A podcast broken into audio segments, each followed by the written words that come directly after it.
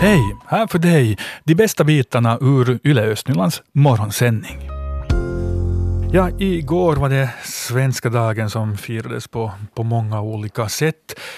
Fredrika, för en del här eh, så var det förstås extra festligt av, av olika orsaker. Mm, ja, igår morse i våra nyheter berättade vi ju redan att eh, Bodil Lund från Borgå får en av de här Folktingets förtjänstmedaljer, eh, bland annat då för, för sitt mångåriga jobb inom lokalpolitik och så har hon suttit i Folktingets styrelse visst och, och sånt hänt och också varit en av initiativtagarna till det här Runeberg juniorpriset.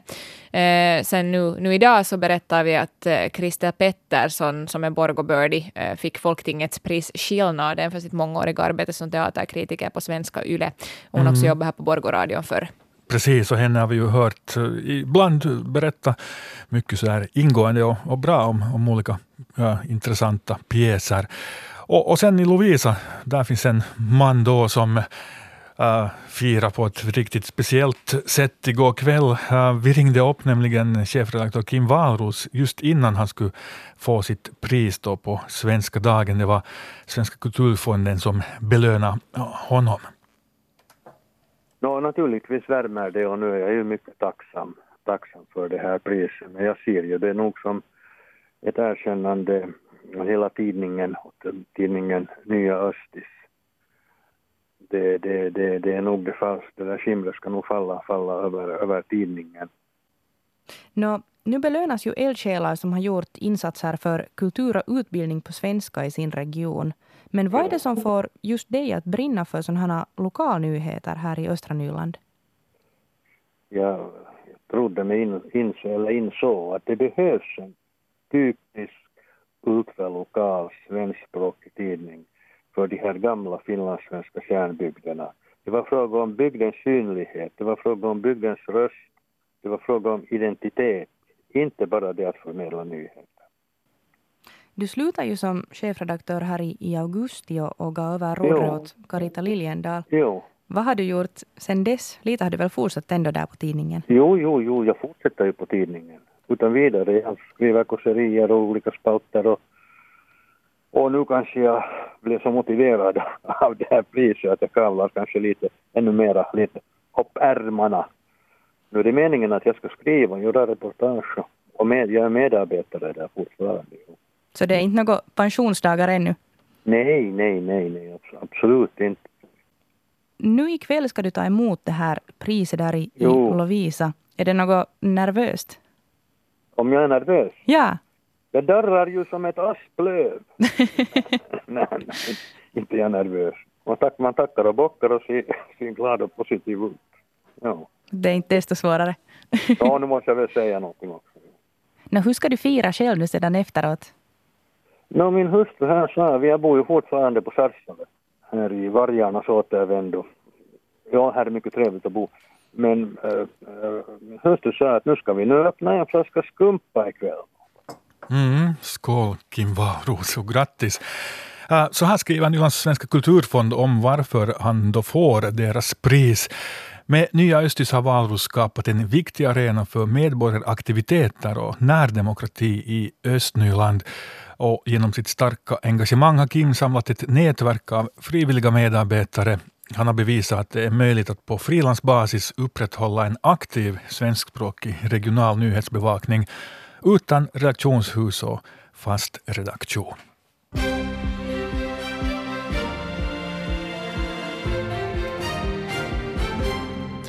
Och det har blivit dags för senaste nytt från regionen Östnyland nu när klockan är halv åtta. Jag heter Stefan Härus. God morgon. De utlandsresor som de kommunanställda i Sibbo gör bokförs bristfälligt. Det här skriver tidningen Sipon Sanomat idag. Resans mål uppges men inte alltid kostnaderna och det kan finnas skillnader mellan resans uppskattade pris och de verkliga kostnaderna. Ibland uppges inte heller resenärens arbetsuppgift eller avdelning. Totalt tillbringade Sibbo kommuns anställda 263 dagar utomlands och mest reste man till Estland. Simbo skärgårdsdelegation är djupt bekymrad över skärgårdens framtida utveckling i Nyland. Det här eftersom utvecklingen av skärgården helt saknas i Nylandsplanen 2050. Skärgården nämns närmast som ett rekreations och turistmål samt som ett verksamhetsområde för Försvarsmakten i förslaget till Nylandsplan. Delegationen säger att skärgården inte är ett naturreservat utan en miljö där det finns fast bosättning, företag och mycken fritidsbosättning. Sibbo skärgårdsdelegation förutsätter nu att kustområdet Östersundom, Majvik och Västerskog samt Granö med omgivande skärgård behandlas som en del av Nylandsplanen 2050. Igår övade myndigheterna samarbete i närheten av Hinsby i Sibbo. Det handlade om en gemensam övning för Försvarsmakten, polisen, Räddningsverket och akutsjukvården. Utgångspunkten var ett av Försvarsmaktens fordon lastat med sprängämnen som hade kört av vägen. Övningarna pågick i ungefär två timmar och orsakade inga olägenheter för förbipasserande. Så kan vi ännu berätta att Pyttis kommun sätter lapp på luckan på kommungården ännu före jul. Kundservicen stängs den 16 december och personalen flyttar till de nya lokalerna vid Motellstranden. Den 7 januari är det tänkt att kundservicen ska öppna i de nya lokalerna. Två dagar senare, den 9 januari, firas invigningen av fastigheten Pyhtään Linna där alltså bland annat kommunens nya kansli flyttar in. Och i riksnyheterna handlar det den här morgonen bland annat om att Sannfinländarnas stöd växer. Det här enligt Yles färska partimätning. Samtidigt sjunker stödet för Socialdemokraterna och de gröna. Och vädret idag det är halvklart till mulet och det kan snöa lätt. Den nordliga vinden är måttlig och dagens högsta temperatur mellan 0 och minus 2 grader. Ja, skulle du kunna tänka dig att ägna nio timmar av din lediga söndag till frivilligt spaningsarbete och göra det dessutom flera veckor i följd? Ja, det här gör en grupp som Valkom frivilliga brandkår i Lovisa har samlat ihop. Och den här gruppen söker efter den estniske fiskaren som försvann på Påsalyfjärden öster om Isnäs i Lovisa äh, den 20 september. Till en början så letade sjö och gränsbevakningen efter fiskaren men de avbröt arbetet eftersom det inte gav något resultat. Rej Björklund på Valkom FBK är en av de frivilliga som kom och tog vid då när myndigheterna slutade söka.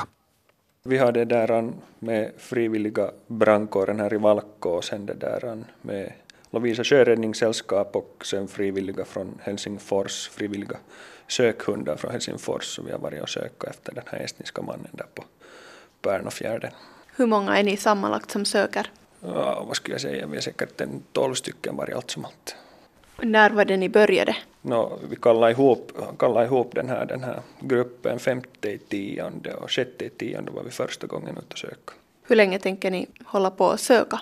No, nu var vi förra söndagen var vi nu sist ut och, och, det där, och nu har vi bestämt att vi ska lite forska och fundera att vart det lönar sig att börja söka nu. Att det är så pass hårda strömmar och, och annat som påverkar så måste lite börja fundera att vart vi ska söka. Hur ofta söker ni?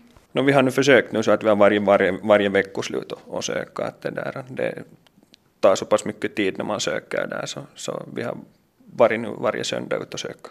Hur länge är ni varje gång ni far ut och söker? Nu tror jag att vi sist så var vi nio timmar. Vill du berätta lite hur ni går tillväga när ni söker? No, den här sökningen så den var ju liksom helt från frivillig basis att vi tog det som en träning att det här var inte liksom någonting som vi har fått som, som alarm eller så att det där eh, vi började den här sökningen riktigt på grund av det att vi ville hjälpa de här anhöriga att de skulle få, få den här mannen hem. Så vi ringde, ringde omkring och frågade vartifrån vi skulle få sökhund och vi fick två sökhundar från Helsingfors och så råkade vi få sjöräddningssällskapet, de kom med med en båt och så var vi med två båtar där. Vi bestämmer då på förhand att på vilket område vi söker och, och så far vi dit och, och, och det där, söker då både med, med det där, äh, drar alltså dragg efter, det är sådana krokar som man drar längs med botten så det fastnar alltid de som är på botten och det där. Och sen så har vi också haft dronen med och sen har vi haft då hundarna och så har vi också haft de här, de här ekoloden. Alltså det är de här apparaterna som vi har i båten som ritar av bottnet och som man då ser liksom att vad där är på, på sjöbottnen. På vilka områden brukar ni söka? No, största delen av sökningarna har varit där ganska nära området vart, vart båten, båten har hittats. Och, och, och det, där, det är ganska stort område, den där Pärnu skärgården där. Mycket stränder, så där är mycket till söka. Tror du själv att ni kommer att hitta den här försvunna mannen? Det får tiden visa. Det är svårt att säga. Kollar man bak i historien så, så har de som äldre som är med här i Valko frivilliga Brankos, de har hittat, hittat en hel del längs med historien, men att vi får se, tiden visa. Vad tror du att kan ha hänt den här mannen? Det är en bra fråga. På något, något sätt har han ju fallit i, men att vad, som, vad som har hänt och hur det har hänt så det börjar jag inte gå in och spekulera på. När du nämnde här tidigare att eh, till en början så började ni söka efter den här mannen bara helt för att hjälpa hans anhöriga. Men finns det några andra anledningar till att ni söker? Nu är det väl en tradition, tradition mera och det där och, och just det att det där att de egna ska få då, få då den anhöriga hem. Ser ni det här på något sätt som träning för er också? No, som, som träning har vi liksom från den, från den utgångspunkten har vi gått att det är som träning. Att det där vi både när vi har haft dykarna i vattnet så det är som träning åt dem och när, när den här Airpass dronen har varit uppe och flyga så det är också som träning och, och, och när man kör med båten så det är också träning. Så vi har tagit det som en, som en stor träning, den här saken. Och det här det berättar pratar eh, Rej Björklund som är skolningschef på Valkom FBK i Lovisa. Eh, uh, reporter det var Hedvig Sandell och på vår webbplats uh, finns det en hel del uh, bilder från då när de har varit ute både med, med hund och, och båt för att försöka hitta den här estniske fiskaren som då försvann på, på Åsalefjärden.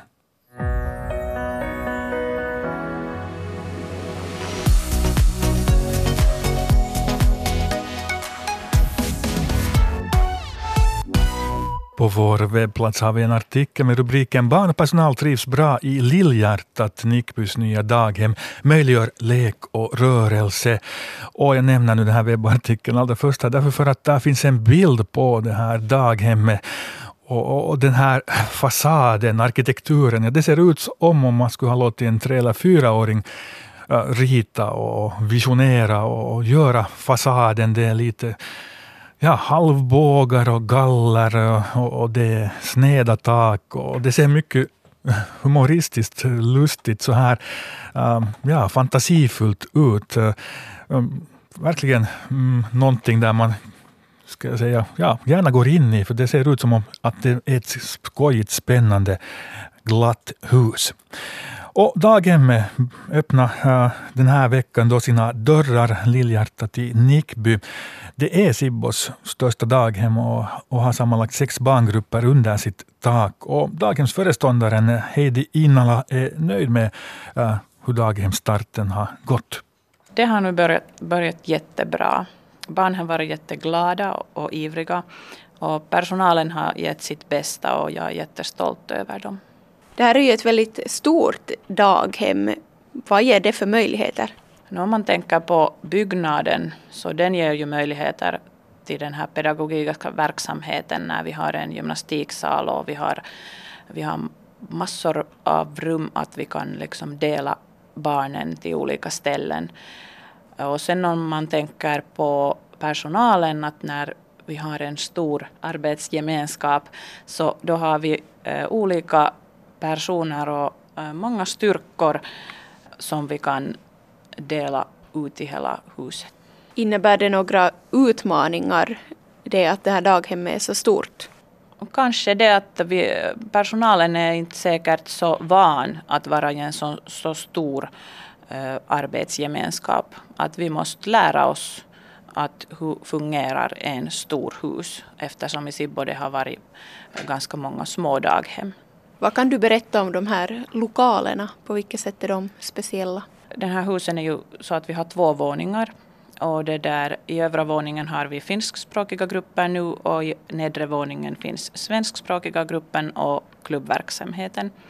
Sen har vi matsal, att vi inte ät, barnen äter inte i grupputrymmen utan vi äter i matsalen. Och sen har vi en gymnastiksal och det ger oss möjlighet att använda grupputrymmen mera för leken när vi inte behöver äta, äta där i gruppen och det behövs inte vänta på städningen och sådär. Vet du vad som var viktigt när ni planerade det här daghemmet? Då, när jag har kommit med här i planeringen så har det varit viktigt att vi får en daghem vart det är möjligt att barnen får röra på sig dagligen inne och ute och det ska vara tryggt. Och sen är också leken en mycket viktig sak för oss och vi har planerat många lekutrymme och lekplats var barnen kan koncentrera sig på leken. Daghemsföreståndare Heidi Innala var det där. Femåriga Elsa Melbin är också nöjd med det nya daghemmet. Jättebra, för att det finns jättemycket leksaker. Vad har du lekt med för leksaker här?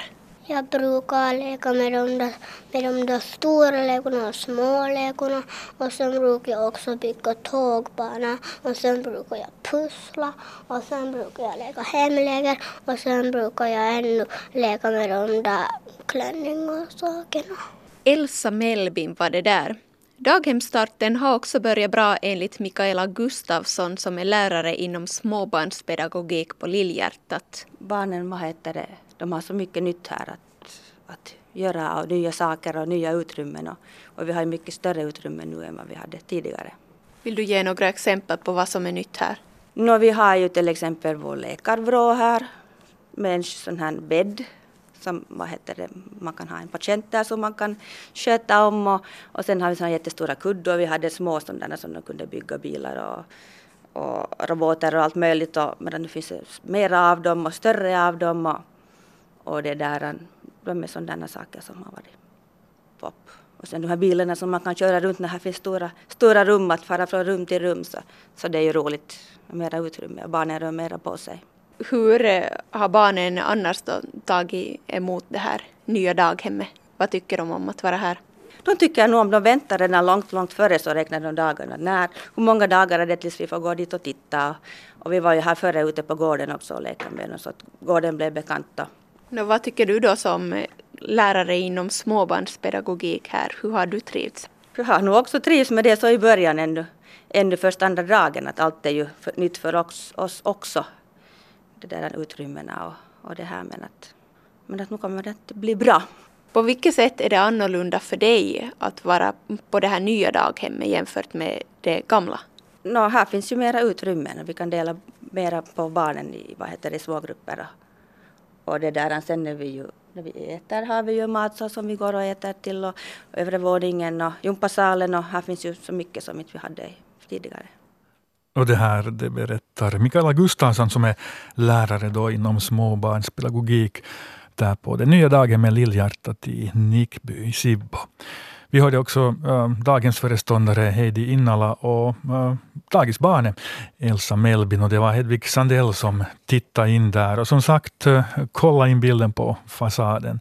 Äh, ett festligt bygge där i, i Nickby.